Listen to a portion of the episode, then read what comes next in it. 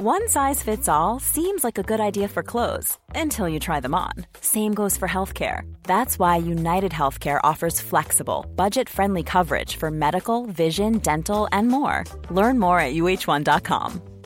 Mother's Day is around the corner. Find the perfect gift for the mom in your life with a stunning piece of jewelry from Blue Nile. From timeless pearls to dazzling gemstones, Blue Nile has something she'll adore. Need it fast? Most items can ship overnight. Plus, enjoy guaranteed free shipping and returns. Don't miss our special Mother's Day deals. Save big on the season's most beautiful trends. For a limited time, get up to 50% off by going to Blue Nile.com.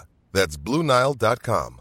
Imagine the softest sheets you've ever felt. Now imagine them getting even softer over time. That's what you'll feel with Bowl and Branch's organic cotton sheets. In a recent customer survey, 96% replied that Bowl and Branch sheets get softer with every wash. Start getting your best night's sleep in these sheets that get softer and softer for years to come. Try their sheets with a 30-night guarantee. Plus, get 15% off your first order at bowlandbranch.com. Code BUTTERY. Exclusions apply. See site for details.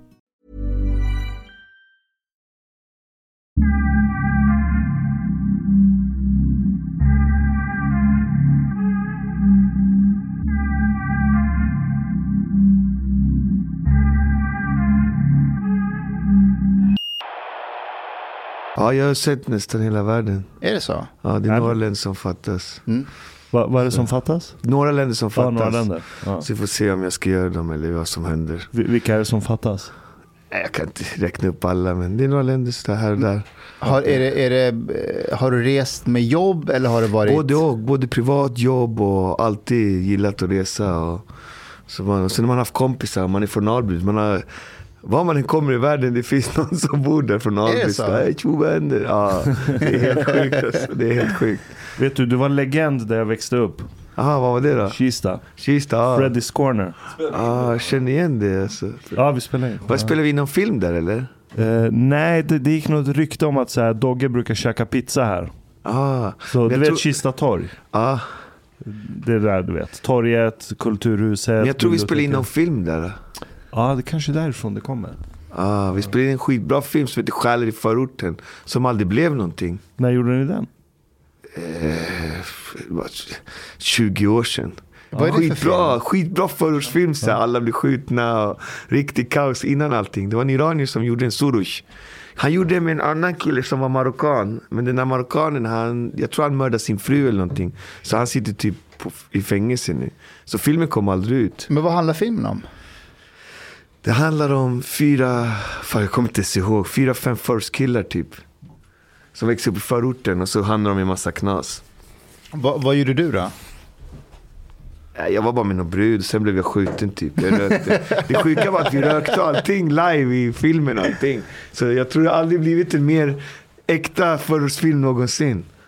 Alla okej. knarkade typ live och gjorde allt live och riktade pistoler och allt möjligt. Det var helt galet. Seriöst? Ja, det var helt galet. Men hur länge sedan var det här? Det var länge sedan. Det var, det var, grejen var att jag var hemma och då kom det en kille och knackade på min dörr. Han bara, hej, jag heter Soros, jag vill göra en film och jag vill göra med dig.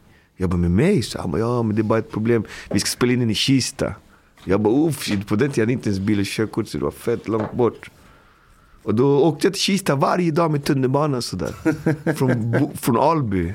Och vi spelade in filmen. Är, är du född i Sverige? Ja, jag är född i Sverige. du är det? Ja, ja, jag är född. Jag är född i... Ja, min mamma är svensk. Jag är född i Botkyrka. Jag har aldrig bott någon annanstans. Jag bor på samma ställe där jag är född, fostrad, Fortfarande? uppväxt. Ja. Är sant? Min, ja, jag är samma ställe. Jag bor kvar där. Så jag, och min mamma är svenska och min pappa är, är karibenier. Karibisk indian. Så jag är halv viking, halv indian. Så, men jag har aldrig bott någon annanstans. Så att, eh, men... Eh, jag vet inte, jag... Eh, jag vet inte hur det är och... Du trivs, inte, du trivs ju inte någon annanstans än just Botkyrka. Jag lyssnade någonstans i någon podd att du träffade någon tjej och bodde på Jag Söder. träffade min fru, hon hade en lägenhet på Söder på Ringvägen. Hon, bara, hon blev gravid. Så bara, och du vet, man, man är ung, jag var ung, hon blev gravid. Okej, liksom stan. Så jag flyttade dit, bodde tre, tre månader. Jag tror knappt det. Jag, jag mådde dåligt. Du gjorde det in i Söder? då?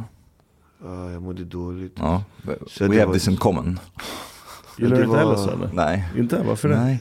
It's, it's, it's, I- I feel like it's just this strange culture over there. It's not like, it's just like... Vadå? this- Det är progressiva människor, de gillar miljö, de har fina kläder. People don't like us. Fast de säger att de gillar oss. vem, vem säger Jag det? kan berätta så mycket grejer, folk kommer ta illa upp men jag, Nej, men kör, för mig, kör. alltså, jag, jag bodde där, jag trivdes inte alls. Så jag tyckte folk var konstiga, hälsade inte. De trodde de var det ena och det andra. Jag bara, "Wow, vad är det för människor? Alltså, Men det var, är så i. Och sen var det jag hade bil då på den tiden, det var omöjligt att hitta parkering. Det var bara problem alltså. Allt var bara, det var bara problem. Sen fick min fru också någon, hon var ju mulata så hon fick någon brev att hon ska inte bo där och bara, såna På rasistiska brev. Söder? På Söder, ja. På är Söder. På, ring, på. Ringvägen. På Ringvägen. Men det kanske den- var andra tider på den tiden. Ja, det var min dotter 20 år nu, så säg 20 år sedan. Ja. Det var 20 år sedan exakt. Då kanske det var mer trashigt. Så. Ah, jag vet inte om det var term, men det var... Jag, jag sa, alltså... Jag vet inte. Botkyrka där, folk är mer avslappnade och lugna. Och de går ut till tvättstugan i morgonrock. Och Det är en annan style på något sätt. Jag, jag gillar det. Jag, jag, hade, jag hade lite svårt. Jag, jag skulle säga att Söder är så här, de är skitiga med flit. Som Ja. brukar. De, de vill vara street och skitiga, men ja, de har banken full med pengar och är rika bre. Liksom, det, det, Har du mycket pengar Dogge? nej, jag är bank. jag har precis sålt min bil för att betala mina räkningar. På riktigt? Är det så? Ja, jag Vad fan? hade en riktig gangsterbil, en BMW 750. Uff. Så, Ja, tyngsta bilen alltså. Ja, men den hade gått 40 000. Du vet, folk de bara du körde. Jag bara Men har du haft mycket pengar? Ja, jag har haft mycket pengar. Jag, jag kommer aldrig glömma när min revisor ringde mig. Bara grattis. Jag bara, va? Nu tjänar du mer pengar än statsministern. jag bara, oh, för sant sådär. Så då börjar man leva. Men Har du då- några sparningstips, alltså ett in- In- investeringstips? Nej, nej, ingen, ingen, jag kan ingenting om. Du ger mig 100, jag kastar 200. ja, men jag, Men vad är dina utgifter? Vad har du för utgifter? jag har mindre nu, jag har, gått, jag har fått en ny revisor. Alltså de har gått igenom allt med mig. Jag har sålt allt som kostar. Alltså massa grejer. Du vet. Det, de har, alltså, vad säger man? Faceat till min ekonomi för det har varit kaos. Alltså, jag har levt och jag hade många skulder under glansdagarna om man säger. Jag bara levde, du jag sket i konsekvenserna. Men sen har jag lärt att... Eh, sen såg jag faktiskt, häromkvällen såg jag dokumentären om Evert Taube. Han var ju likadan typ. Så här. Han kunde skriva en låt snabbt men pengar det... Han skrev sina räkningar i, från restaurangen. Han bara, det här kan förlaget skicka räkningen till förlaget. Han, han också var samma. Jag tror att det har någonting med det Det konstnärliga. Cornelis Vreeswijk också. Det konstnärliga, har en stor gåva i det då det är svårt med ekonomi. Det, det, det finns ingen konsekvenstänk. Det finns ingen, alltså, så det, under unga år var det tufft. Alltså. Det, jag, levde, jag kommer aldrig glömma på min uppfart när jag hade sju bilar. Dina egna bilar? Mina egna bilar. Jag var fattig en gång i tiden. Alltså jag hade ingenting jag ville. Jag hade inte ens drömt att jag skulle ha en bil. Och så stod jag utanför. Jag bara shit att jag har kommit ända hit med sju bilar. När var det? Ah, Det kanske var 15 år sedan eller någonting. Och då gick jag bak bara för att ta kort. Jag bara, det här kortet måste jag spara när allting går åt helvete. Alltså och du för- visste liksom i bakhuvudet Ah, någonstans. så förra veckan så sålde jag min sista feta BMW. Alltså det var... Hur det känns var, det? Det var sorgligt. Jag blev ledsen i min själ på något sätt. Liksom. Och säga hej då till någon. Jag har ändå bott och åkt med den överallt. Och, och jag blev ledsen någonstans. Det var som en ny epok i mitt liv. Om du tittar vad jag åker nu. Nu åker jag en Fiat 500. Och gå från 7-serien BMW till Fiat 500. Det är som att skära av benen alltså. Men vad gör du idag då? Vad, vad, vad försörjer du dig på? Fast åldern, eh, jag ska bara svara på den här, fast åldern gör en visare på något sätt. Så det är inte så mycket, det, inte, spelar ingen roll längre. Speaking of that, I, I just heard you on uh, med Navid Modiri, and you were saying that you actually like that you're aging. This is Ah. something that I could not relate to at all. Actually, this is like I would say the only thing that I have some anxiety about. På riktigt? Uh, I don't I don't like the idea that you know one is in a constant state of decay, Jag gillar everything. det. Jag gillar det. Ja, ja. Hur, hur gammal är du Dogge? Jag tror att jag gjorde allt när jag var liten. Jag gjorde mycket, jag har gjort mycket bror. Så för mig är det skönt att bli lugn och ro lite faktiskt. Jag känner att bli äldre, det känns skönt. Nej, du hade en är fråga innan, det är många frågor Ja, men hur gammal är du? Jag Ja, är vi kör 46, bara. jag är 46. Du ser inte en dag ut över 45. Jag vet, de säger att jag blir yngre också. De säger att jag blir yngre också. Det är det som är roligt. Jag vet att du tränar mycket. Ja, fast nu har jag hamnat i en koma där jag bara äter skit. Sen eh, juni, jag skulle boxas mot Kave, svensk mästerboxning i 10 juni, men så fick vi inte licensen och då jag blev så deprimerad så jag började äta McDonalds, Coca-Cola, godis och jag har inte slutat sen dess. Så jag har gått upp till 15-20 kilo. Damn. Så ja, snabbt. Så min fru sa, hon bara, nu jag vill inte höra dig att du ska gå ner igen. Fram och tillbaks, fram och tillbaks. För jag är sån där, äh, ena dagen jag är Är det samma fru? Jabba the från- Hutt, andra dagen jag är Tom Cruise. Förstår du? så, Är det samma fru från Söder eller? nej, nej, hon dog i cancer, den från Söder. Ah, hon, dog för, ja, hon dog för 20 år sedan också i cancer. Sorry man. Du hade en fråga innan om jag, vad jag jobbar med nu. Ja, hur försörjer Ah. du dig idag? Nej, det är allt möjligt. Det är reklam, marknadsföring, uppträda, föreläsningar. Allt som kommer i ens väg alltså. Vad föreläser du om? Jag berättar om mitt liv oftast. Det är det. En inspirationsföreläsning där jag berättar om mitt liv. Jag har ändå sjungit i år i 39 år. Jag har gjort 18 album, vunnit två Grammys, invald i Swedish Music Hall of Fame. Och jag har eh, inte gjort något annat egentligen. Och jag kommer från Alby, upp- uppfostrad, uppvuxen i Alby. Och jag har fått äran i livet av Gud att sjunga i 39 år. Alltså det, bara det är galet. Så oftast är det det jag berättar om eftersom många ungdomar har drömmar om att bli någonting inom musik eller sport eller någonting. Och då kan man berätta lite, ge dem någon push på vägen eller berätta hur det har varit. Alltså ingen dans på rosor. Även om det var sju bilar i den där bilden så har det också varit nudlar och fängelsedomar och droger och allt möjligt skit på vägen. Så att eh, man, eh, man får vara tacksam. Men du Men Dogge, du var på en, en bokmässa nyligen. Mm. Eh, vad är det för, för bokmässan? Jag har ingen aning. Den hette någonting Svenska Sveriges bokmässa och det var, det var en freakshow med alla möjliga typer av människor. och jag blev ditbjuden i en debatt som Dogge och debatten skulle handla om kultur. Och jag tänkte, ja det är kultur, jag går dit och debatterar om kultur, vad jag tycker. Eftersom jag jobbar inom kultursektorn, kultursektorn som jag har gjort i 39 år. Men det var ingen som var intresserad av det. De skrev bara att jag gick till den här mässan som var massa konstiga människor. Ja, de, de, de, de, skrev om högerextrema Ja, och det, det var ju sådana människor där absolut och de tyckte inte att jag skulle vara där. Men jag, jag vet inte, jag, demokrati handlar också för mig om att eh, man, man måste också visa sig. Man kan inte stå och vara tyst. Jag, jag tycker man måste vara där och vad- var alla som var emot dem då och debatterade? De var inte där, det var bara en jag. sak som jag märkte med den, med när det här kom upp, Mm. det är att vissa människor har en, någon slags cred, eller vad ska man säga så här, eh, du som var på den här mässan, Mm. ingen tror ju att du är högerextrem. Förstår du vad jag menar? Nej, nej, exakt. Eller, Medans, medans det skulle kunna vara någon annan, säg lite till höger eller Mm. vad som helst, som skulle närvara med, ah, han kanske är högerextrem. En av oss. Ja, det, vet, det tror jag. Men, men du, du är verkligen så här, ingen tror jag att Dogge är liksom högerextrem. Nej, ska jag, alltså jag har inget med... Jag brukar inte ens blanda mig politiskt. Jag är inte högerextrem någonting. De kallar mig nazist och det ena och andra men Har de gjort för det? mig blir det bara barnsligt på något sätt. Alltså, Men det finns en rätt så intressant analys just på, eh, för du är ju en person som har jobbat mycket med, i början i varje fall, med antirasist. alltid, varje dag, hela Ja. tiden. Jag gör det nu och hela tiden. Alltså, Och just att, eh, att de här personerna, organisationerna, lånar, alltså bjuder in Mm. personer som dig. Eh, Det Kajsa Ekis Ekman pratar om att man, man tar in de som är antirasister Mm. och sen så blir man liksom på något sätt stämplad så att sen så får inte du vara med i andra sammanhang. Ja men så är det alltid. Så, har, så är inte bara i den frågan, så är det många frågor i Sverige. Det, det kan vara att du är invandrare också. Du måste bli inkvoterad i en grej för att få vara med. Om du inte är med i inkvoteringskvoten, då är du inte med. Just för att du är invandrare, eller konstigt namn eller någonting. Så vi som kommer från förorten, vi har levt med det där hela livet. Så det handlar inte bara om i det här forumet. Det där handlar om hur det här samhället fungerar. Är du annorlunda eller obekväm eller någonting, då ska du direkt stämplas till det ena och det andra. Liksom.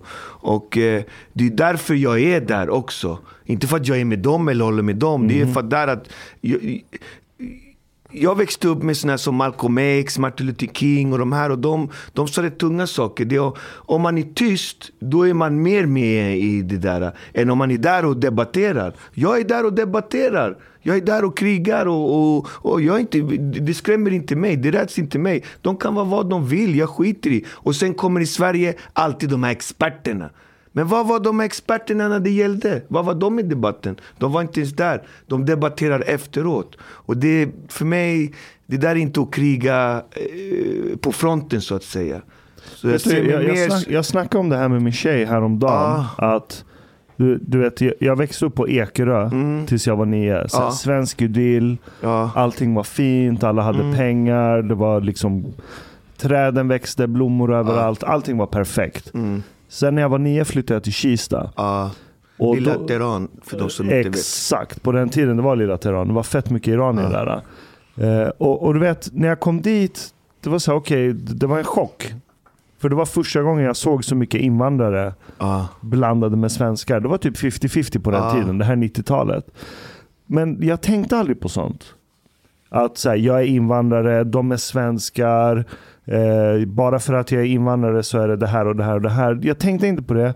Sen från ingenstans, och det var det jag försökte kartlägga när jag snackade, eh, när vi diskuterade det här. Att någon gång, någonstans så kom den här idén in. Att bara för du är blatte så kommer du ha det sämre än alla andra. Bara för du är blatte så kommer svenskarna hata dig. Du kommer inte ha samma chans. Du kommer få kämpa dubbelt så hårt för att komma någonstans. Och de här idéerna de fanns inte i mitt huvud. Men bland alla blattar i Kista så kom den här idén från någonstans. Jag vet inte om det var så här storebrorsorna som hade sett någon Malcolm X-grej, du vet. Men de idéerna fanns inte i mitt huvud. Exakt. Så, så, så jag var jävligt nyfiken på vart kom de här idéerna ifrån? De där- Att bara för att jag är blatte så kommer jag ha det sämre. Och det är Exakt. inte sant. Nej, det är inte sant. De där idéerna är ju jättefarliga för att de fordras ju i förorter mycket. Och då, många ungdomar som är unga, som kanske inte har utbildning eller inte har de möjligheterna, de går ju på de här idéerna. De tror för att man är från förorter, man måste vara kriminell, man måste vara, eh, man kommer inte få vara med och det ena och det andra. Och eh, det stämmer ju, eh, vad heter det, många gånger inte, men många gånger stämmer det också. På vilket sätt? Ja, samhället eh, eh, skjuter undan eh, vissa typer av människor med andra namn och andra saker. Så, så det är både och skulle jag säga.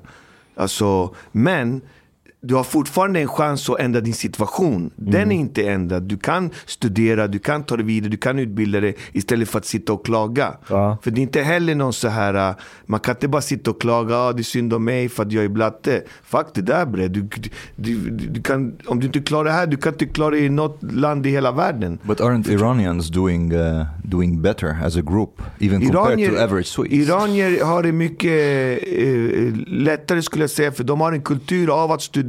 Föräldrarna är på, de är på dem, de måste bli någonting. De har det i sin DNA att fucking bli någonting. så det handlar Annars om kom- blir- kultur, inte om... om Exakt, så jag, jag skulle säga, det kan vara fördomar, men jag är uppväxt med många iranier och jag ser dem redan i skolan, de pluggar, de är duktiga. De har hela den här kampen med studierna och kampen med sina föräldrar. Och, och när föräldrarna möts, de skryter för varandra, för min dotter är det, min son är det, min idé, min idé och det andra. Och jag står däremellan som inte iranier, inget och jag tänker shit, jag är ingenting. Men jag undrar om det är di- diaspora eller är det så i Iran också? Jag, Nej, jag, men vet jag inte. Det Jag- jag det tror att de- exiliranier. Jag Ja, tror exiliranier, Ja. de som kom från Iran, de var faktiskt akademiker, högutbildade. Det var väldigt mycket intelligenta människor som kom De just från flesta Iran. iranier är korkade. Alltså det är bara exiliranier. Jag har faktiskt... Fast det kan man se också på de, för det kommer nya generationer av iranier även nu till Sverige. Ja. Och de är ju inte lika framgångsrika som de första. För det är Yes, många. All, all the good ones have come. så- Jag tror att... Vi, vi eh, var grädden som kom. Crème de jag- la crème. Jag tror att det kan vara, det kan vara det, du, kan, du skojar om det men det kan möjligtvis vara så. Det var de som jobbade politiskt, som var kanske någonting eller hade en utbildning som var, också var tvungna att vara rädda när det blev knas Det var i de Iran. som flydde. Det var de Ja, ja. som flydde och, och de kom till Sverige och de sökte sig till högskolor och skolor för de var vana vid det. Det var en brain drain av Iran som Sverige gjorde. And, and the people who don't like. Islam very much.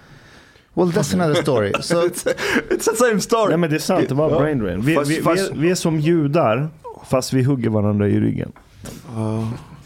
Ja, iranier är bra på att snacka skit alltså. shit, jag har aldrig... De är proffs alltså.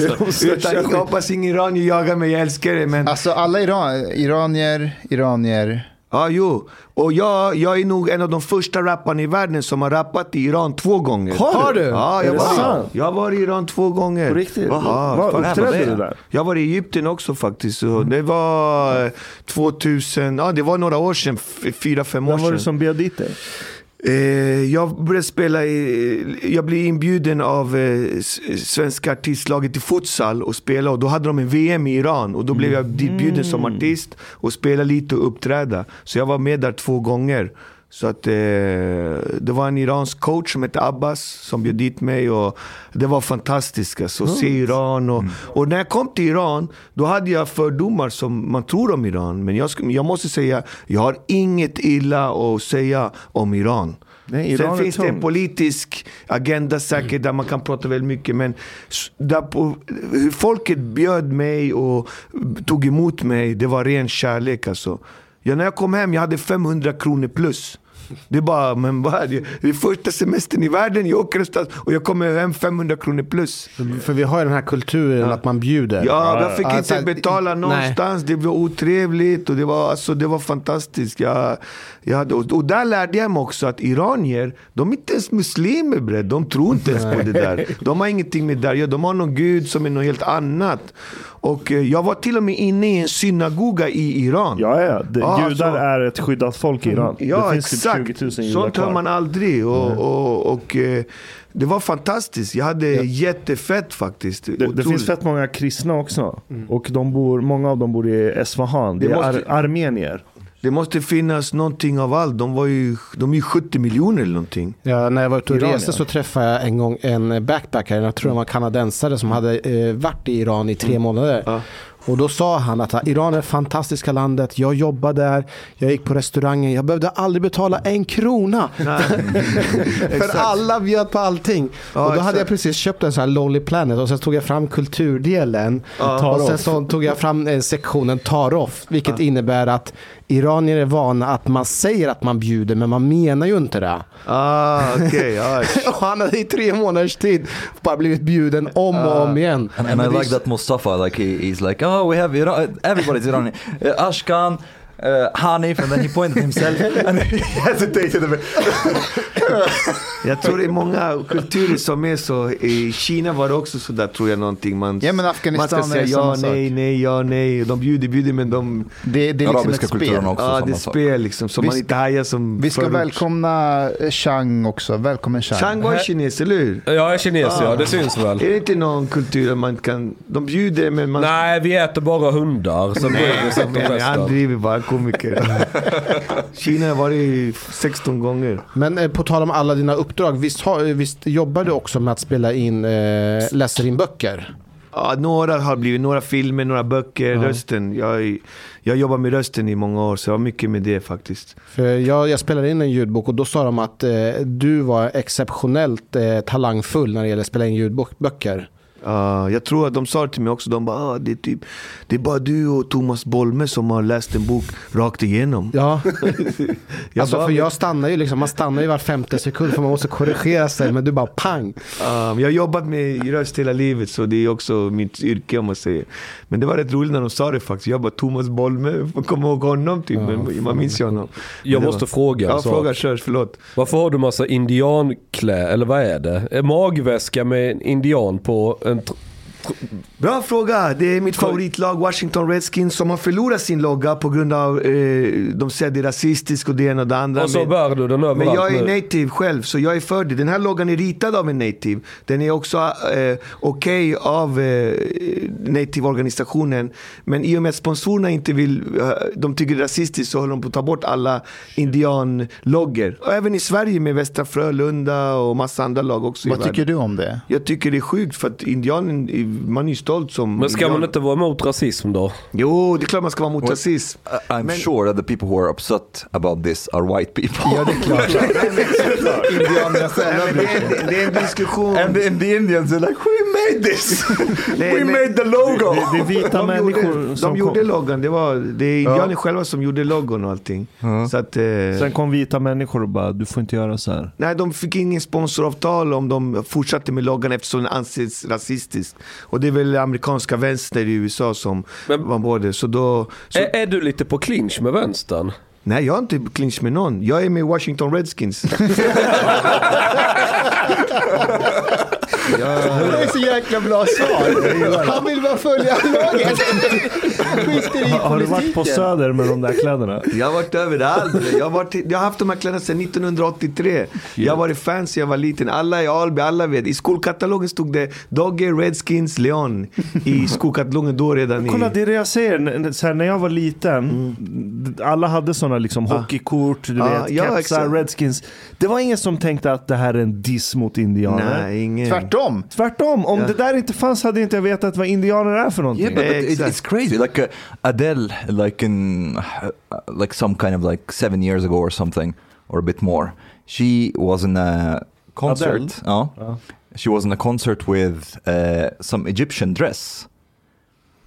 And people in Egypt, like they, they either didn't care or they thought it was nice. Ah, Adele wearing an Egyptian dress. Oof. She like she ended up in a shitstorm from white people who saying that she cannot have an Egyptian dress.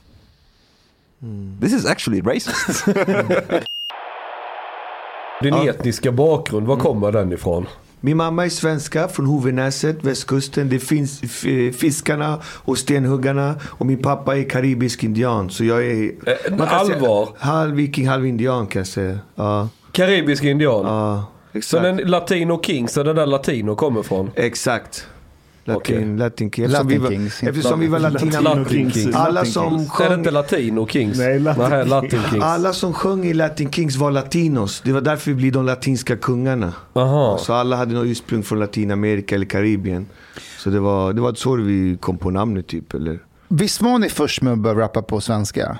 Alltså, eh, det, det beror på hur man, hur man mäter om man skulle säga.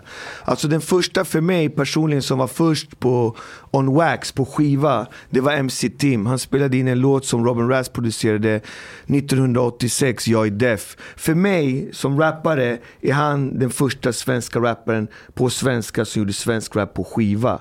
Sen om man kollar vem som började rappa först på svenska, det är svårt att mäta. Men jag rappade i tunnelbanan när jag var liten, 82, 1983. På svenska eller engelska då? På svenska, för jag var så dålig på engelska. Hur gammal är du? Jag är 46 år. Så, Snacka skit. så jag... 46? Ja, 46 år.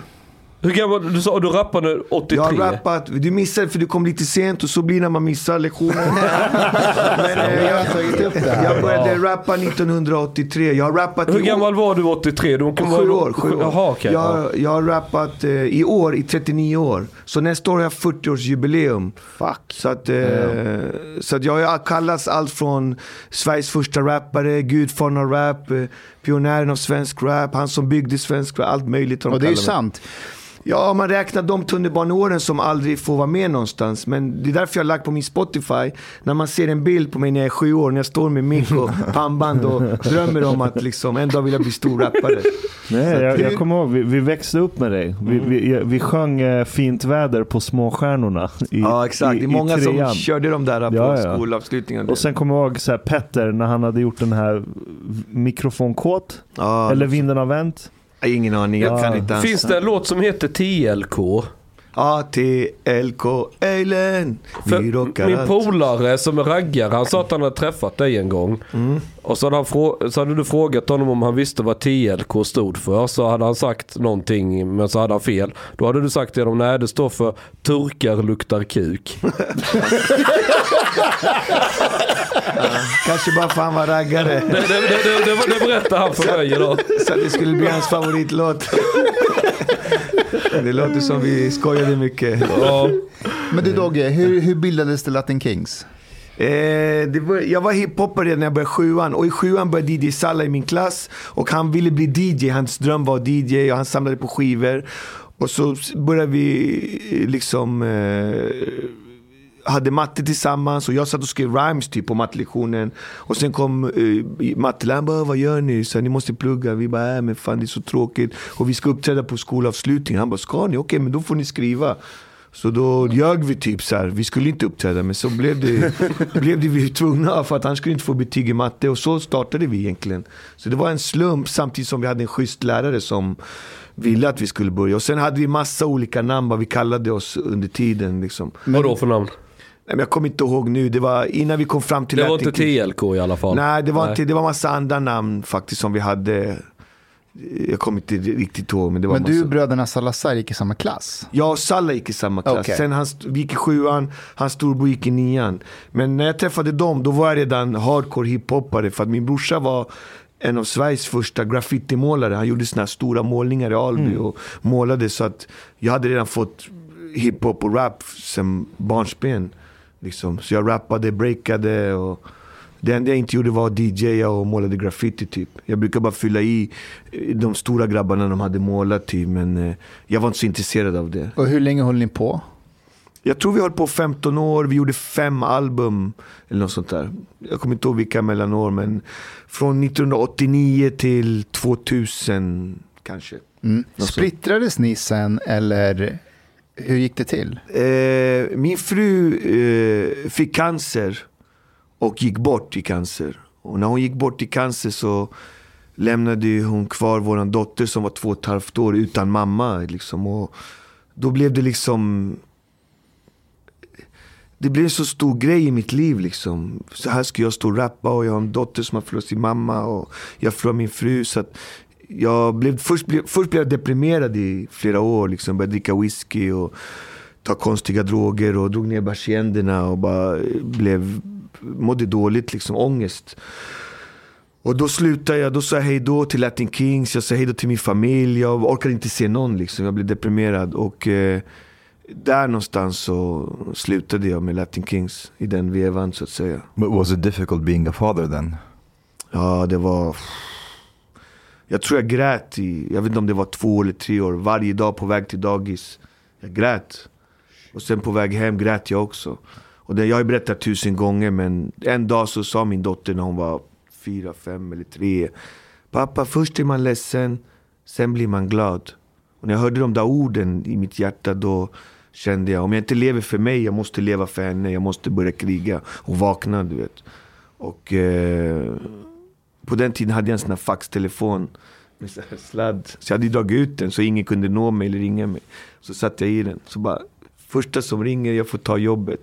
Och så svarade jag och då var det cykel på köpet. Och, var det där? ja, och det vände på allt. Vad är det? Elgiganten. Det är så commercial, det är en reklam som Okej. är Sveriges mest kända reklam. Aha. Det är det faktiskt. Varför blev den så känd? Jag fattar inte det. För att det var jag som skrev det. och gjorde det. Det var, det var en eh, otrolig crossover liksom. På den tiden så tror jag att där tror jag också vi kom in i de här frågorna vi var lite på innan och touchade. Att invandrare med reklam, man är rappare från förorten. Vi ska inte göra reklam. Vi ska vara inne i den där lådan instängda. Vi får inte vara där. Så det där blev en sån jävla käftsmäll. Och den gick ju på bästa sändningstid också, liksom på julafton, nyårsafton, alla de här, när alla, hela familjen, och när tvn fortfarande hade power. Idag har tvn inte samma power som den hade på den tiden, du vet. Hela familjen sitter och kollar på Kalle, och, och emellan där kommer reklamerna och det. Och det, det, det tror jag att det gjorde den stor faktiskt. Hur var reaktionerna på den reklamen? Uff, alltså, jag snackade med Modiri, han som gjorde podden innan. Jag måste skriva en bok om hur sjukt det där var. För det var en resa på ungefär tre år. Som, det var galet. Jag, jag tänkte ju bara såhär, jag är fucked up, jag har förlorat allt, jag förlorar min fru, jag tar det här jobbet för att få lite pengar. Så kan jag åka till pappas hemland och vila hjärnan typ. Så jag åkte in till studion. Which country is it? Eh, Car- Caribbean is a lot of countries. Puerto Rico, Venezuela, around there. The Caribbean Vilket islands. av, men vilket av de länderna? Egentligen så var det en ö, i det här fallet var det en ö som hette Isla Margarita som man kallas för Paradisön. När spanjorerna kom dit så hittade de väldigt mycket eh, pärle, pärlemor. Ja. Så därför den kallas pärlan av Karibien. Så det, det, i, det, I de åren var det just den ön det gällde i alla fall. Ja. Som jag bodde på då. Som jag tog mig till då. Men eh, då åkte jag in till Stockholm och då skulle jag göra video med Mika Delika som är en legend för mig. Han har gjort massa rapvideos och han har gjort skitgrymma grejer liksom. En, en konstnär av rang och klass liksom. Jag älskar honom liksom för det vi gjorde. Och vi skulle röka innan och så här, jag rökte cigg och kanske drog någon vodka och snackade lite så ah, vi ska göra någon rap här. Och för oss det var en töntig jobb liksom. Jag skriver fyra rader, det gör jag på du hinner inte ens blinka innan jag är klar. Liksom. Jag skriver såna här raplåtar på några, några minuter. Så det där var liksom ingen stor grej. Så vi garvade och min pitbull var med då. Han levde fortfarande, han var 15 år. Han var otrolig den där Vad hunden. hette han? Han heter Rissla. Jag kommer aldrig, jag kommer aldrig glömma honom. Som åt upp han, han drog en 850 på Volvo-mässan 96. Vad- Liksom, han vad- var vad gjorde 25 han? kilo. Han drog en 850. Ja, 850 åh, bil. Alltså, han var, Ja, ja, ja, han var fattar, grym alltså. Och han var med och han stod och gnällde så här, "I, i, i, i." Och jag bara, vad är är det? Vad är det? Liksom, vänta, vi ska bara fixa. Och vi hajar inte. Så vi, så, och sen när vi kom in i studion, då hade Rissla skitit precis där Micke ska sitta. Du vet, om datorn är där så hade han skitit precis där. Och jag bara shit Micke förlåt. Så här. Det var därför han i, i, i, gnällde. För han behövde gå ut och skita du vet. Men vi var så uppe i våran grej så jag lade liksom inte märke till det. Och Micke bara garvar typ så jag bara jag tar upp det, förlåt, jag ber om ursäkt. Så här. Och så sa jag till Micke och talkade så här. Jag bara det är så jävla konstigt att han sket här. Men du vet, det är kanske är konstigt för oss. Men i min pappas land när någon skiter så här, det betyder att vi kommer göra jävligt mycket pengar. Ja, så bara, du vet, det, var en tecken. Det var en tecken du vet. Och sen gjorde vi reklamen, vi garvade, skickade in det till de där. Och sen tog jag pengarna, drog till Karibien. Jag var där tre månader tror jag. Paraply, drinkar, mådde bra, levde, du vet. Försökte glömma det jag hade varit med om, att min fru hade dött, du vet. Alltså det, det var tungt, du vet. Jag gjorde reklamen bara för att kunna fly bort från min verklighet. Och det är lång tid, du vet. Sen kom jag hem till Sverige och eh, öppnade kylskåpet och då var det tomt så jag var tvungen att till affären och handla. Och då går jag där bland hyllorna och då kommer en gammal tant fram till mig. Ah, Sicken på köpet! Och jag tänker så här, va? Sicken på köpet? Så okay. Det är något fel på henne. Så, så går jag lite till och så kommer en farbror och bara, äh, Sicken på köpet! Och jag tänker så här, vad är det? Sicken på köpet? Va? Så bara, "Ah, den här reklamen, just det, som jag gjorde, de har släppt den säkert, de har sett den liksom. Och tänkte inte mer på det, du vet. Men sen, du vet. Hela landet liksom. Var man än gick så bara. Och det roliga var, det var så sjukt för att folk bara Kan du hålla det här? Vi tar kort du får 30 000. Alltså, folk blev galna. okej. du vet. De blev galna. Och överallt, jag bara... Det var så galet du vet. Och folk bara... Det roliga med det är att alla som såg mig, de blev så glada. Så jag kände så här, wow det här är helt sjuk grej. Jag har gjort alla de här människorna så himla glada. Och än idag, det är 13 år sedan. Kolla på honom, han vet inte ens vad det är. Han garvar. Förstår du? Förstår alltså. Den- was, det, var, e- det var episkt när det den så reklamen, pekar på Omar. den, om jag var känd med Latin Kings så blev jag folkkär med Cykel på köpet. Den, den kom in i, i hjärtat av Sverige på något sätt, på ett helt annat sätt. Och där, där blev jag stjärna på riktigt om man säger. But, but but I'm curious, like about this uh, this thing with like if you shit you you get money. did, it, did it start a trend? Because I'm picturing you Vad är in det arabisk? eh, No, no, no, saying? no. This is I don't know, is- uh, like I'm I'm picturing you saying this in this room and then everybody taking down their pants. Money, money from shit you say. Men där, jag, jag hörde det om, också om en fågel skiter på en i huvudet. det har vi i ja, i Egypten också. Det är, ja, ser du? Ja, men att det betyder tur. Uh, no, like uh, we say in Egypt, if like a bird shits on you, that means that you're getting new clothes. Okej, det var rätt korkat. And if they shit Eh, on your Also, the shit on money is okay. Yeah, but if they shit on your car, because a lot of dogs, eller dogs, eh, birds shit on the car. Yeah, no, Ja, får man en ny bil då? Vi får googla, vi får googla. Får jag fråga dig Dogge, Yes. eh, din relation till Salazar-bröderna, hur är den idag? Nej, jag har ingen relation. Efter det så hade jag ingen kontakt längre. Så Vilka är Salazar? jag Ja, men kände... Redline. Records. Alla vi som jobbade typ ihop alla under de här... Vi var en grupp som jobbade ihop under de här åren och vi jobbade väldigt intensivt. till slut fanns det ingenting kvar. Liksom. Man gick varandra på nerverna. Liksom. Så, att, eh, så att vi gick skilda vägar. Så ni har ingen kontakt alls Jag har ingen kontakt, vi vet ingenting och jag lägger mitt i vad, Jag så jag vill inte ha med det att göra så att säga. Så för mig, det, det var också någonstans eh, konstnärens frigörelse. För att du vet när du skapar, visst du skapar, vi skapar någonting tillsammans, det är skitkul. Men någonstans vill man göra saker själv också. Och jag kände som konstnär att jag behövde göra det till slut. Så att eh, nu har jag gjort det och det känns fantastiskt kul. Bäst jag gjort faktiskt. Liksom, utan man behöver kompromissa hela tiden med, med sin konst och det man vill göra i livet. Liksom. Jag känner att jag hade så mycket mer att ge. En grej med den här Eleganten-reklamen var ju att, alltså jag håller helt med om att alla tyckte, alla älskar ju det, det, det, det blev folkkär, men det var också en del som hånade det. Ja, Alltså, ja, ja, ja. ja. Vilka var det som hånade det? Var det så här kultur... eh, Oftast såna här cred-människor som ska eh, veta bättre än alla andra och ba, ba, ba, och nu har han sålt sig, nu har han sällat och bla bla och det ena och andra och liksom. Som bor i söder. Ja, som bor i söder. Exakt. Exakt. Han är med på noterna. För att jag kommer från förorten, där de älskade mig. Där var det kvitto för att jag hade lyckats. Såklart. Det var inte, jag hade rappat i 20 år, det sket jag mig. Men jag gjorde reklam. Jag bara, du har lyckats. Alla iranska mammor kramade mig. Jag tänkte säga, det låter som en iransk grej att säga. Alla iranska mammor kramade mig. Sen när jag kom till Iran och kramade farvars mamma. Hon bara nej nej, krama inte mig. Jag bara varför? Vi kommer hamna i fängelse. så då hade det ändrats allting. Så det var jätteroligt Men faktiskt. en grej som, alltså när jag lyssnade på er på Latin Kings när jag växte upp, det var ju att en anledning till att jag också köpte hela Eleganten-reklamen, det var ju att jag såg er aldrig som ett, alltså ett gäng som gjorde musik som gjorde anspråk på att ni var superseriösa. Alltså jag, jag, min uppfattning om Latin Kings var alltid att ni hade en självdistans som inte många andra hade. För, alltså det, Exakt.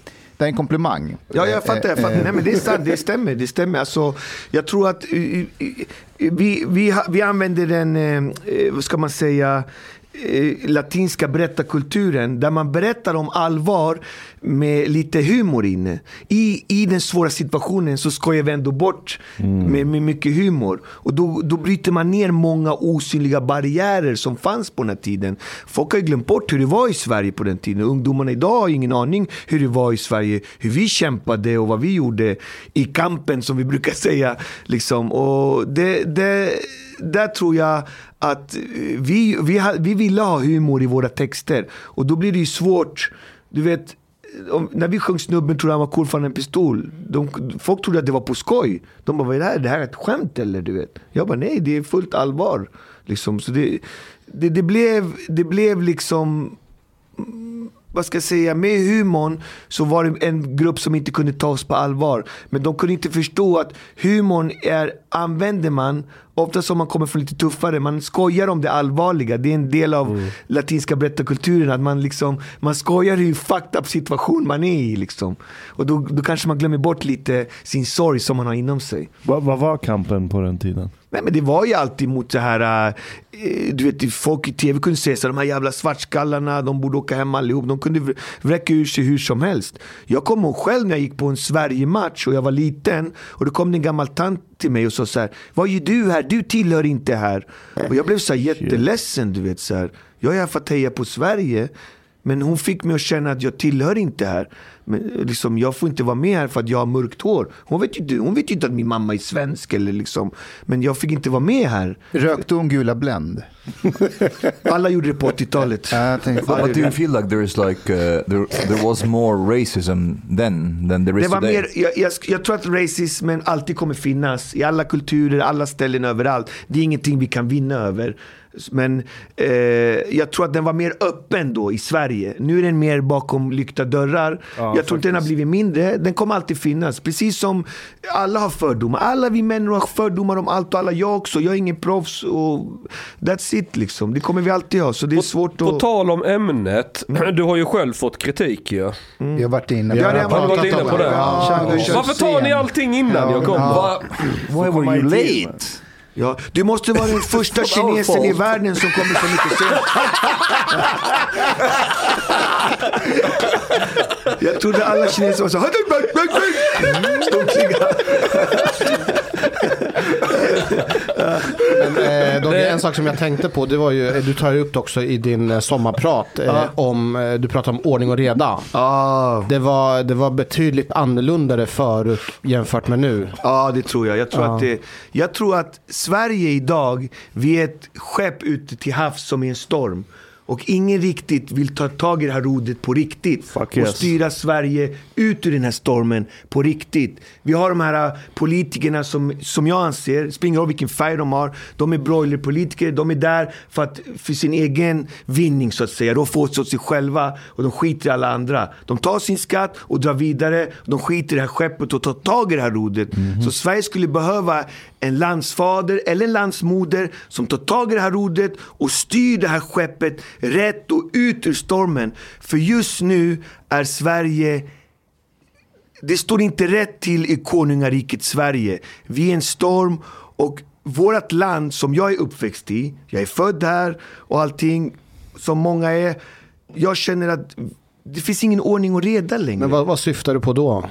Nej, men jag kände att när jag var liten det fanns mer ordning och reda och då även invandrarna, vi tillsammans och svenskarna ska gå tillsammans in i framtiden och bygga framtiden. Det där finns inte längre idag. Idag du tänker på ditt, jag på mitt. Skit i alla andra, vi roffar bort oss själva och, eh, och, och, och kör det. Och det tänk, det är ett helt tänk som har implanterats i vårt samhälle. There was a national story and there's no longer a national story. Exactly. Not something like, och jag tror att Sverige, vi är ett litet land. Vi är ett litet jävla land. Och såna här, små, såna här stora justeringar, det, det, det passar inte oss. Vi är vilsna känns det som. Och det är, inte, det är många frågor liksom. Vi behöver en Pinochet eller en, Nej, en Erdogan. Nej. ingen Pinochet. ingen, Men du Dogge, kan inte du bli statsminister?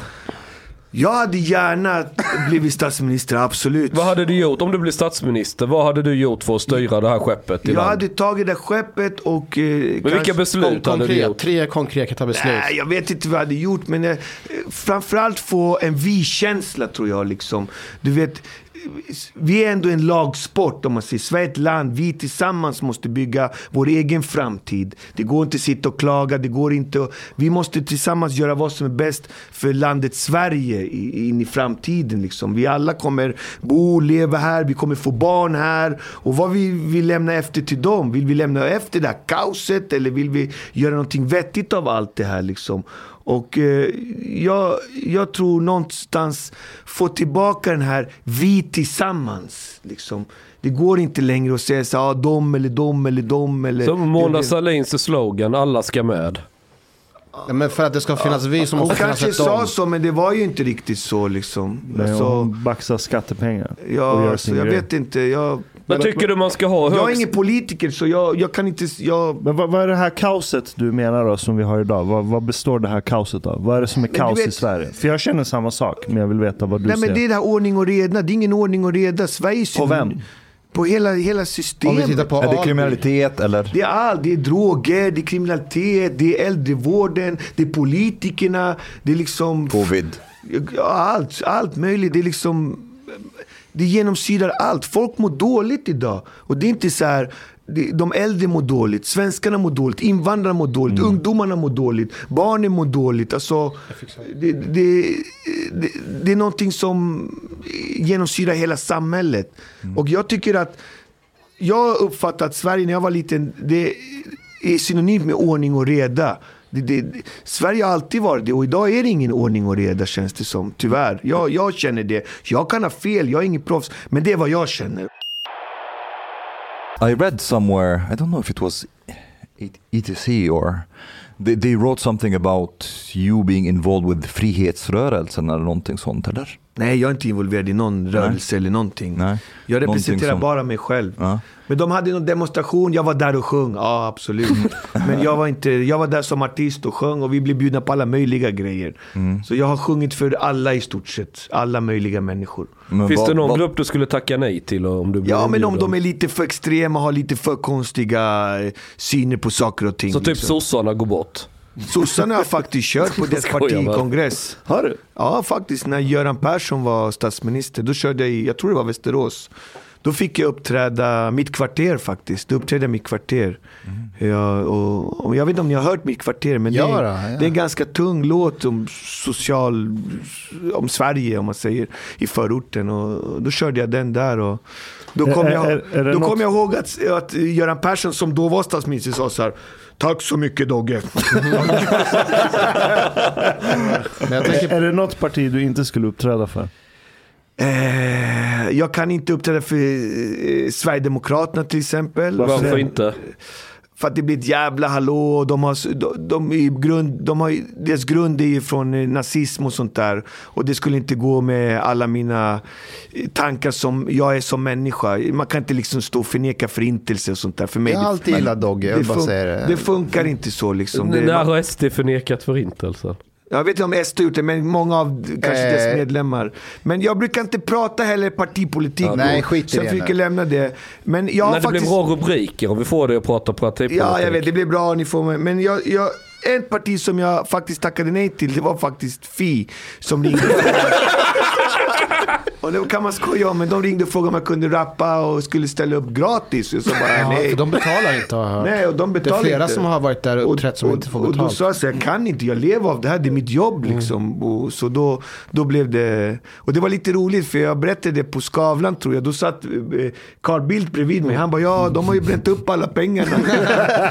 De brände ju upp eh, Ja, 200 Gudrun 000. Schyman. va? Ja, han brände upp så här 200 lax på Gotland eller något. Så det var lite roligt. Så att, eh, jag har nästan uppträtt för nästan alla partier tror jag, genom de här 39 åren. Så jag blandar mig inte i partipolitik, det får andra stå för. Jag är artist och musiker och jag kan inte liksom stå och säga så ah, du tror på de där, då kan inte jag uppträda för dig. Jag kan inte hålla Men, på men så. o- om SD betalar tillräckligt bra då? De har försökt betala hur mycket som helst för mig. Har de? Har de? Ja, ja, ja, det har hänt faktiskt. Nej. Tyvärr har jag fått tacka nej, tyvärr. Ja, ja, alla partier har hört av sig till mig faktiskt. Jag är, en- jag är en väldigt omtyckt person i, i liksom många, Men många vad vill. SD ha, dig, ha med dig på? På deras festival i Sövlesborg tror jag. Åh fan! Ja, så jag har uppträtt på många, många ställen och tyvärr fått uh, avboka då på grund av... Jag Men vad är brukar- du mest rädd för? Att du kommer få skit i media? Eller för att du kommer få skit av vänner? Eller för att det bara alltså, jag- känns fel? Alltså, grejen är så här, du, man måste förstå, jag är en artist och jag måste kunna sjunga till alla typer av människor. Och Mm. i det här, det är barnfamiljer, det är barn, det är invandrare, det är, det är alla eh, typer av religioner, det är alla typer av sexuella läggningar. Jag vill vara bra med alla så att säga. Mm. Liksom. Jag, jag, jag måste kunna vara med alla det, det har jag ansvar som artist.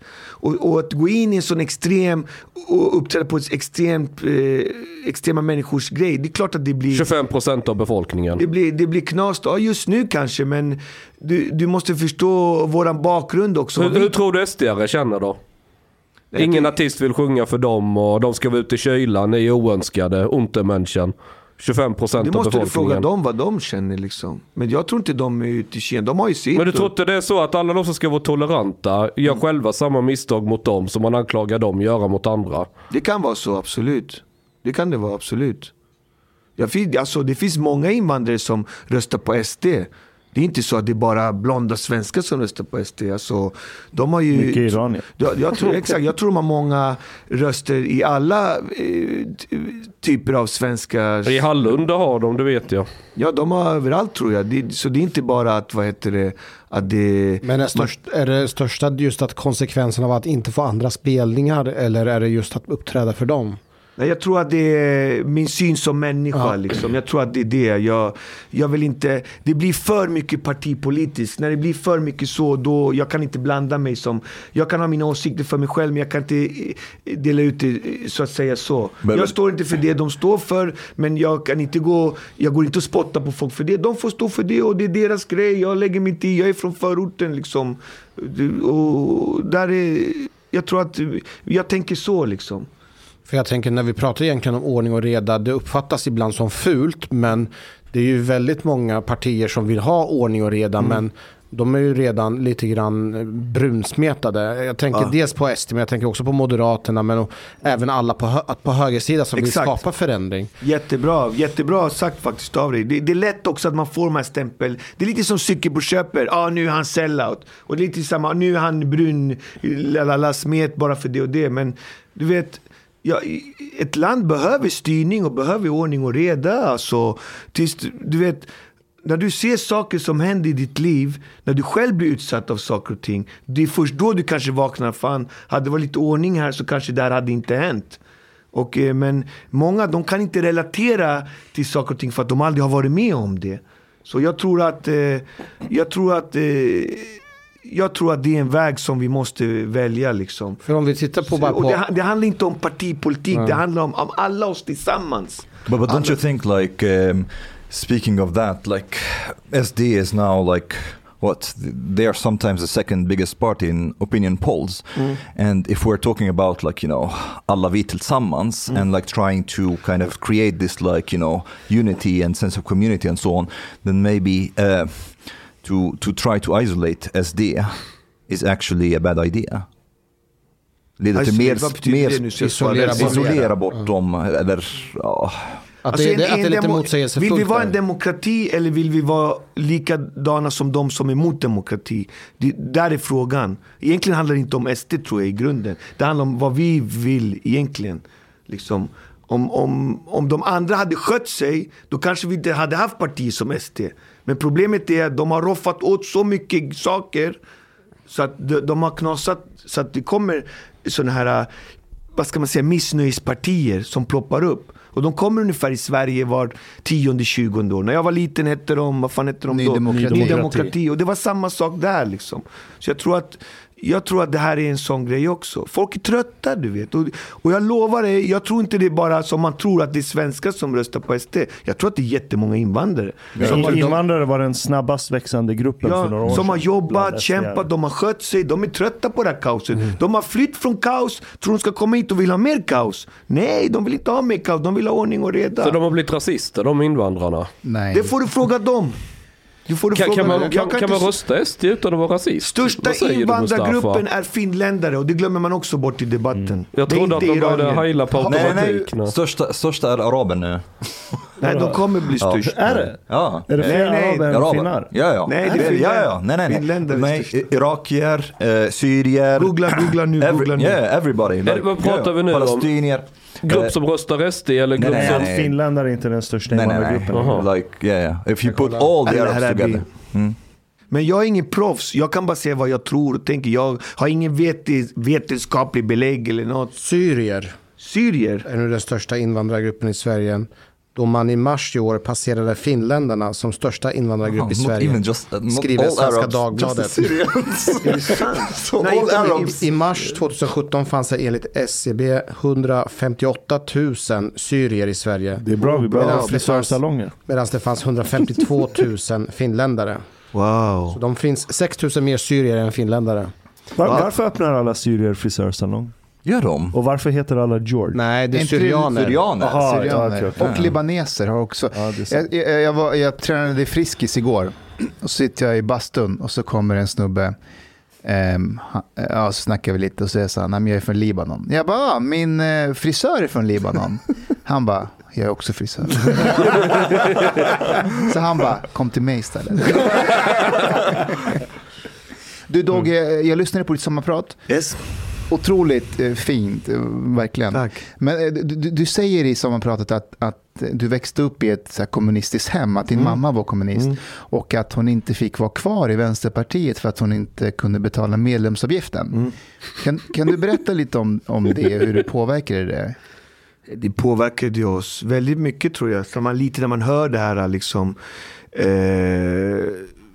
liksom, vi var så fattiga så vi hade inte ens råd att betala medlemsavgiften för det partiet som ska representera de fattiga. Så det blev ju så här väldigt eh, konstigt. Det är klart man blir ledsen liksom. Hur var din mammas relation till Vänsterpartiet efter det? men det, på den tiden var ju alla liksom ganska mycket aktiva politiskt. Det var ju en sån tid då. Liksom. Det var mycket vänster och sånt. Eh, Jag kommer ihåg liksom att det var mycket sånt. Liksom. Så att, eh, jag tror att hon blev ledsen. Liksom. Att, alltså vara fattig och eländig, det är ingen, det är ingen rolig grej. Liksom. Det, det är tufft. Så det ja, fick vi inte vara med. Liksom. Nej. Så det, det var inget mer med det. Men det är klart att det blev, det blev sorgligt. Kanske mest för min mamma. Mm. Medan vi barn kunde bara höra vad som sades när de äldre pratade. Men eh, så var det.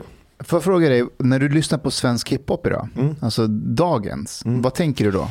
Jag, alltså, det här låter skitkonstigt, men jag har inte lyssnat på svensk hiphop på 15 år kanske. Någonting. Jag slutade lyssna för länge, länge sedan. När slutade du lyssna?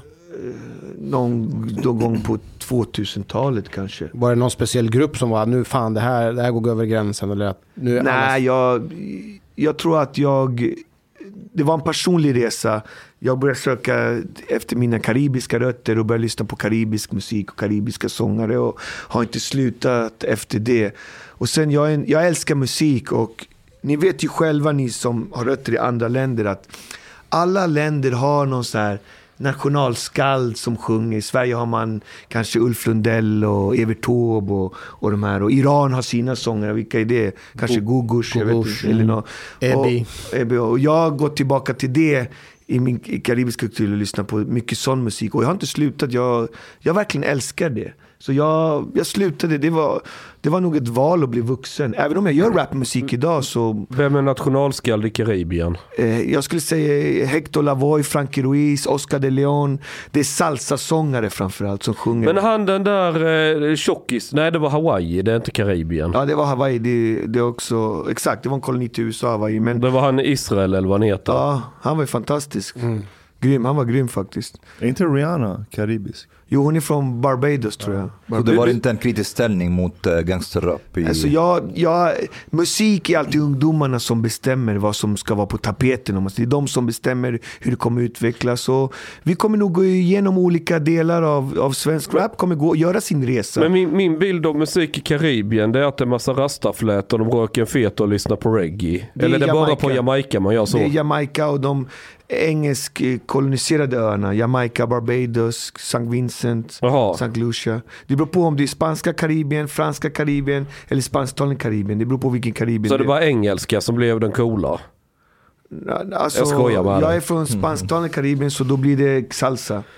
Men om, om vi tänker på gårdagens, alltså när Latin Kings var Ja. liksom aktuella, hur, hur skulle du säga att det skiljer sig från dagens svensk hiphop? Jag vill inte egentligen besvara den frågan för jag kan inte prata om något som jag inte känner till, den nya rappen och så. Och eh, alla får ju prata för sig själva. Men jag tror att om jag pratar för oss Latin Kings så hade vi lite det här att vi vill vara med och berätta vår historia. Om hur vi växte upp i Sverige, hur Sverige är och våra problem och det. Och eh, jag förmodar att ungdomarna idag gör samma sak.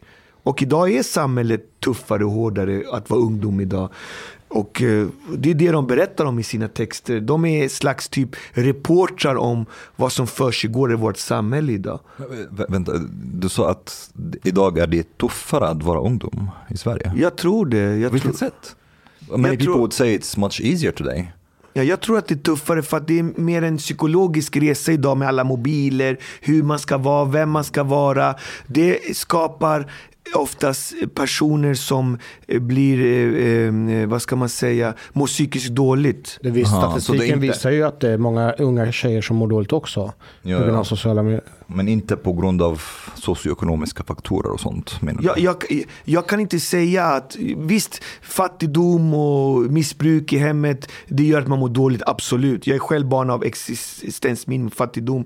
Men man kan inte skylla på det heller. Du kan inte sitta och vara 45 år, ah, jag hade en dålig bakgrund, det är synd om mig. Det går inte. Du, vet, du, har, du har ändå en möjlighet att studera, bygga ditt liv och göra saker.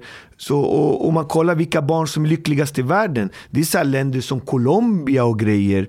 Du vet, där barnen har ingenting, men de är ändå glada. Så jag tror att i Sverige är vi så långt fram tekniskt så att barnen de, de växer upp med mycket våldsspel, mycket hur man ska vara, hur man ska se ut, vad man ska vara och ha det ena och det andra. Och jag är själv ett offer och sånt. Varför sitter en idiot som jag med sju bilar en dag? För jag visste inget bättre. Jag trodde att det var det var lyckan. Men när jag väl stod där, jag var inte lyckligare. Så att jag tror att Hur kan det inte vara lycka? Sju bilar. Vad skulle du säga att lyckan är istället? det är det vi inte kan se med ögat. Det är lycka.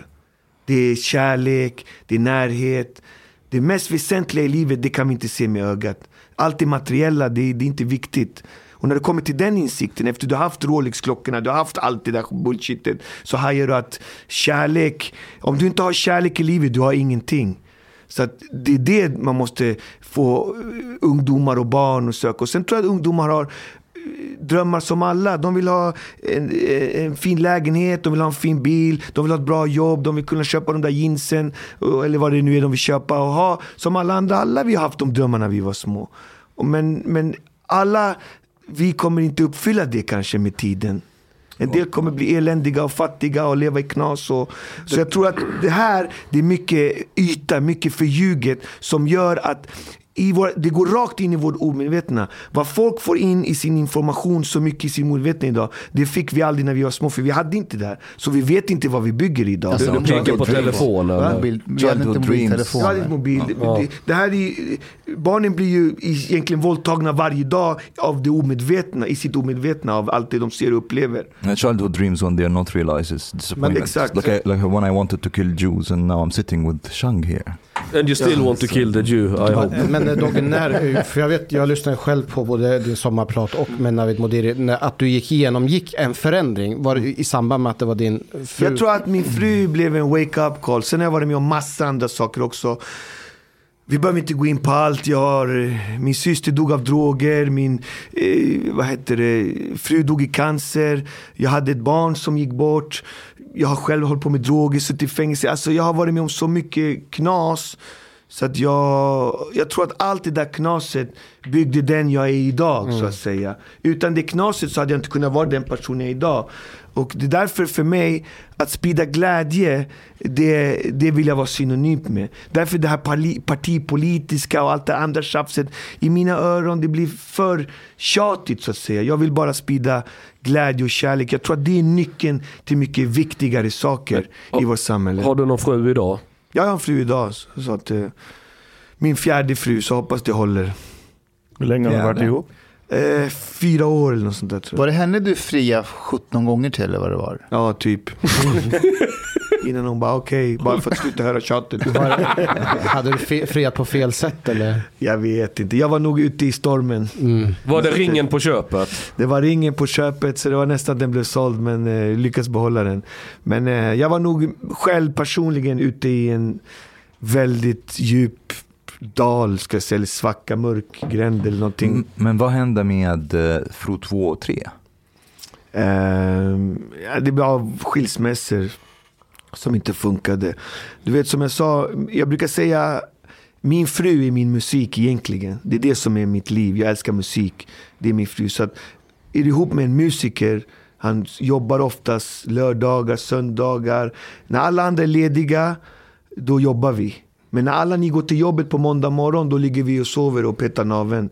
Så att, vi har ett väldigt, att vara sångare, det är ett väldigt speciellt liv. Så att min musik är egentligen min, eh, min drog, min fru, mitt allt. Det är det jag lever för i stort sett. Och att få en kvinna som förstår det och accepterar det, det är svårt. De tycker det är kul första året, wow vad häftigt. Andra året resorna och allt det här är häftigt. Men tredje, fjärde året, de, de orkar inte. Tyvärr. Fjärde gången gillt Dogge. Ja, så hoppas att fjärde gången gillt. Så vi hoppas att vi, vi försöker göra det bra av situationen. Jag måste fråga, är det en Rolex du har på handen, armen? Ja, Du har en Rolex och magväska. ja. 80-talet och 90-talet. Are you jealous Shang? Rolex och magväska. Att någon har snott mitt mode. Nu, det här får vi blippa för annars kommer han bli rånad. Det är massor med klockstölder och sånt Ja, som härjar nu. Men så. det är en gammal, det är ingen... Ja men det här kommer ju inte sändas nu direkt när han går hem ju. så Nej, men om två veckor kommer han bli rånad. Ja ja men det... Ja. Men eh, det är en gammal Rolex från gamla goda tiden. Det är en av de få sakerna jag har kvar från gamla goda tiden som man ville spara som minne. Att Men du, du är inte gång. sugen på att göra musik idag då? jag gör musik varje dag. Du gör Du har det? ju Jag- släppt en skiva Jag har förra släppt året. tre album det här året. Jaha! Tre album. Fan vad Och, bra koll jag och har. över eh, 10-20 singlar faktiskt. Så jag, jag är mer produktiv än någonsin. Chang är den enda av oss som är journalist här idag. Ja, inte kulturjournalist. Jag, What, jag what, what do you sing about now? Om allt. Jag blandar, jag gör alla stilar. Jag gjorde en låt nu som heter Delali med en arabisk sångare från Algeriet. Jätterolig, den kom igår eller någonting. Oj. Sen gjorde jag, sen gjorde jag gangsterrap också på svenska med några. Sen gjorde jag eh, poprap, allt möjligt. Alla, man gör olika stilar, man provar på allt. Jag vill prova allt liksom, så det är kul. Jag, jag fastnade som fan för Som en kung i Luthagen. Ja, jag, en vis skiva gjorde jag också, men det var några år sedan. Exakt, den är... den är tung. Den var sjuk. Jag kommer ihåg vi åkte i Changs raggarbil. Ja. En Chevrolet, vad är det, 1900... En 65, en Impala Cabbe. Wow, Nu- shit. nu i du är rik på riktigt alltså. Ja, jag har en idé faktiskt. Går det att anlita dig för reklamfilmer fortfarande? Ja, absolut. Jag kör alltså. Inget problem. Det kan du göra. Vi vill ha dig i min raggarbil det, går körandes. jätte, det går jättebra. Det är bara vill inte ens veta hosta vad det är. ordentligt så kör vi. Ja, det här måste, Chang kan hosta, han är jude. Ja. jag måste Det är det. visa. Kinesisk jude. Judezigenare. Är du homosexuell också eller? För då kommer ju alla hata dig om du är kommunist, jude, homosexuell. Här ska jag, vänta lite. Du, du måste få se vad... Jag, jag vill ha dig Jag med vet- sol, solbriller. Jag vet exakt vad det är för bil. Jag älskar såna här bilar. Stora, ja men du ska se vad... Du, du har inte sett eh, hur jag har strejpat upp den. Stora amerikanare. Wow. Ja, det ser nice ut alltså. Cab också. Ja, vi har ju elbolag. Jag säljer kärnkraftsel. Så jag tänkte ha dig som reklampelare Mm. Det för... går jättebra. Skitbra. Ja, Så- kärnkraft. Då får vi göra en Men hur, så. hur gör ni då? Vadå säljer kärnkraft? Ja men du vet du har så här god del, du vill, du vet, du vill rädda världen och söta nallebjörnar och allting. Eller E.ON eller Vattenfall eller Fortum. Ja. Vi säljer He's kärnkraft. the evil version of Ah, okej, jag har ingen Han är aning. Mr. Burns. Jag är, li- du, har du sett Simpsons? Eh, Nej, jag brukar inte Har du aldrig sett. Simpsons? Jag har sett det så här förbifart, men jag brukar inte kolla på det. Min brorsa kollar allt på det, men jag Det finns en sån här elak gubbe, gniden som ah, fan jag känner du igen vet. han med spets i Eh, näsan. Precis, precis. Ah, Jag är honom du vet. Jag har också Ah. kärnkraftverk och ska tjäna okej. pengar. Ja, men grym. Och snål. but Chinese. Men tjänar man, tjänar man pengar på kärnkraft då? Hur, hur, hur får man den? Liksom? Nej men alltså jag har massa elkunder och så Ja. pröjsar de elräkningen till mig ju. Okej. Och sen på varje, jag har ju alltid lite vinst på varje kund ju. Några Okej. procent. All right. Då har jag många, många, många kunder så blir det pengar. Okej, ja men då så. Vi ska nog komma överens. Ja, Inga problem. Det går bra. Det är bara höra av dig jag, jag gnuggar redan händerna. Så Ja, kör, kör. När du växte upp, Ja. eh, förutom musiken, eh, så här, kulturellt, vad, vad gillade du? Alltså filmmässigt och, och sådär. Jag har alltid gillat, eh, vad ska jag säga, musik, film och litteratur. Det är de tre sakerna. Jag kommer ihåg eh, en kompis, som, han, han hade också startat någon podd. Och då berättade han så här, "Ah, jag kommer alltid ihåg när jag kom hem till dig så hade du alltid massa böcker. Så jag har alltid gillat att läsa mycket och så här. Så det, Det är en grej som jag alltid imponerats av när jag har lyssnat på dig genom åren. Det är att du har, vad ska man säga, du har ett rikt ordförråd och du vet vad du liksom pratar om. Om man jämför det med dagens hiphopartister så tycker jag att det fanns en så här intellektuell spänst i, i hur du producerar musiken. Tack för det. Jag tror att det var mycket mera sånt tänk när vi var unga och var lite rebelliska med Latin Kings. Idag tror jag har släppt lite där. Idag vill man bara vräcka ut sig lite mer. Tror jag, eftersom klimatet är lite mer så. så att jag tror att, eh, men jag tror att framtidens rappare kommer komma med mera, mera intelligens och mer sån spänst. Det, det är ju det vi har saknat inom svensk rap. Så det kommer säkert här framöver. Lite mera conscious rap om man säger liksom. Medveten rap. Som det blev sen i USA efter gangsterrap-eran. Så vi får se vad som händer. När ni var som mest i hetluften med Latin Kings, var det någon grupp som ni var lite i luven på varandra med? Konkurrensmässigt och... Nej, jag tror inte. Vi var så säregna och hade sån egen stil och gjorde allt eget. Så att vi, blev, vi blev nog mer en institution. Liksom. Vi blev något annat. Vi, det, det var liksom ingen som gjorde våran grej eller hade våran grej. Så det var ingen annan rappare ni kidnappade? Eller så här? Nej, sånt. Nej, vi håller inte på med sånt där. Det, du vet, jag tror att jag tror att vi kom från det här politiska hållet, liksom, där man vill förbättra samhället. Liksom. Det var en grej jag ville fråga er om. För en, en sak som jag märkte när ni var som mest aktuella, det var ju att Okej. Du har lyssnat så här långt. På sista måltid. En mycket fin radioprogram i Sverige. Du tycker det är mycket trevligt. Men, min vän, lyssna på mig nu. Du har inte betalat biljett på klubb sista måltid. De har blate grabbarna de behöver pengar. Flis. Lax. Stolar. Dirabilar. Lyxhotel. Du vet. Då måste du betala om du ska lyssna mer. Du får många fler avsnitt också. Paket helt enkelt. Läs i beskrivning för avsnitt, där det finns information för att bli medlem på klubb moltit. måltid. Det kostar som en mycket liten kafe late ute på torget. Per månad. Let som en plet. Tak, min Thank you.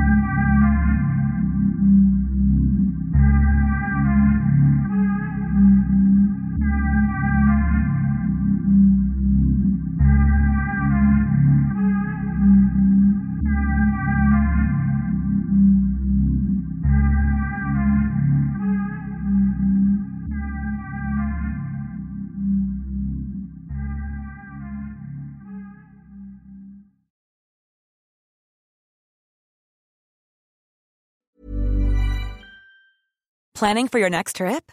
Elevate your travel style with Quince. Quince has all the jet setting essentials you'll want for your next getaway, like European linen, premium luggage options, buttery soft Italian leather bags, and so much more. And is all priced at 50 to 80% less than similar brands.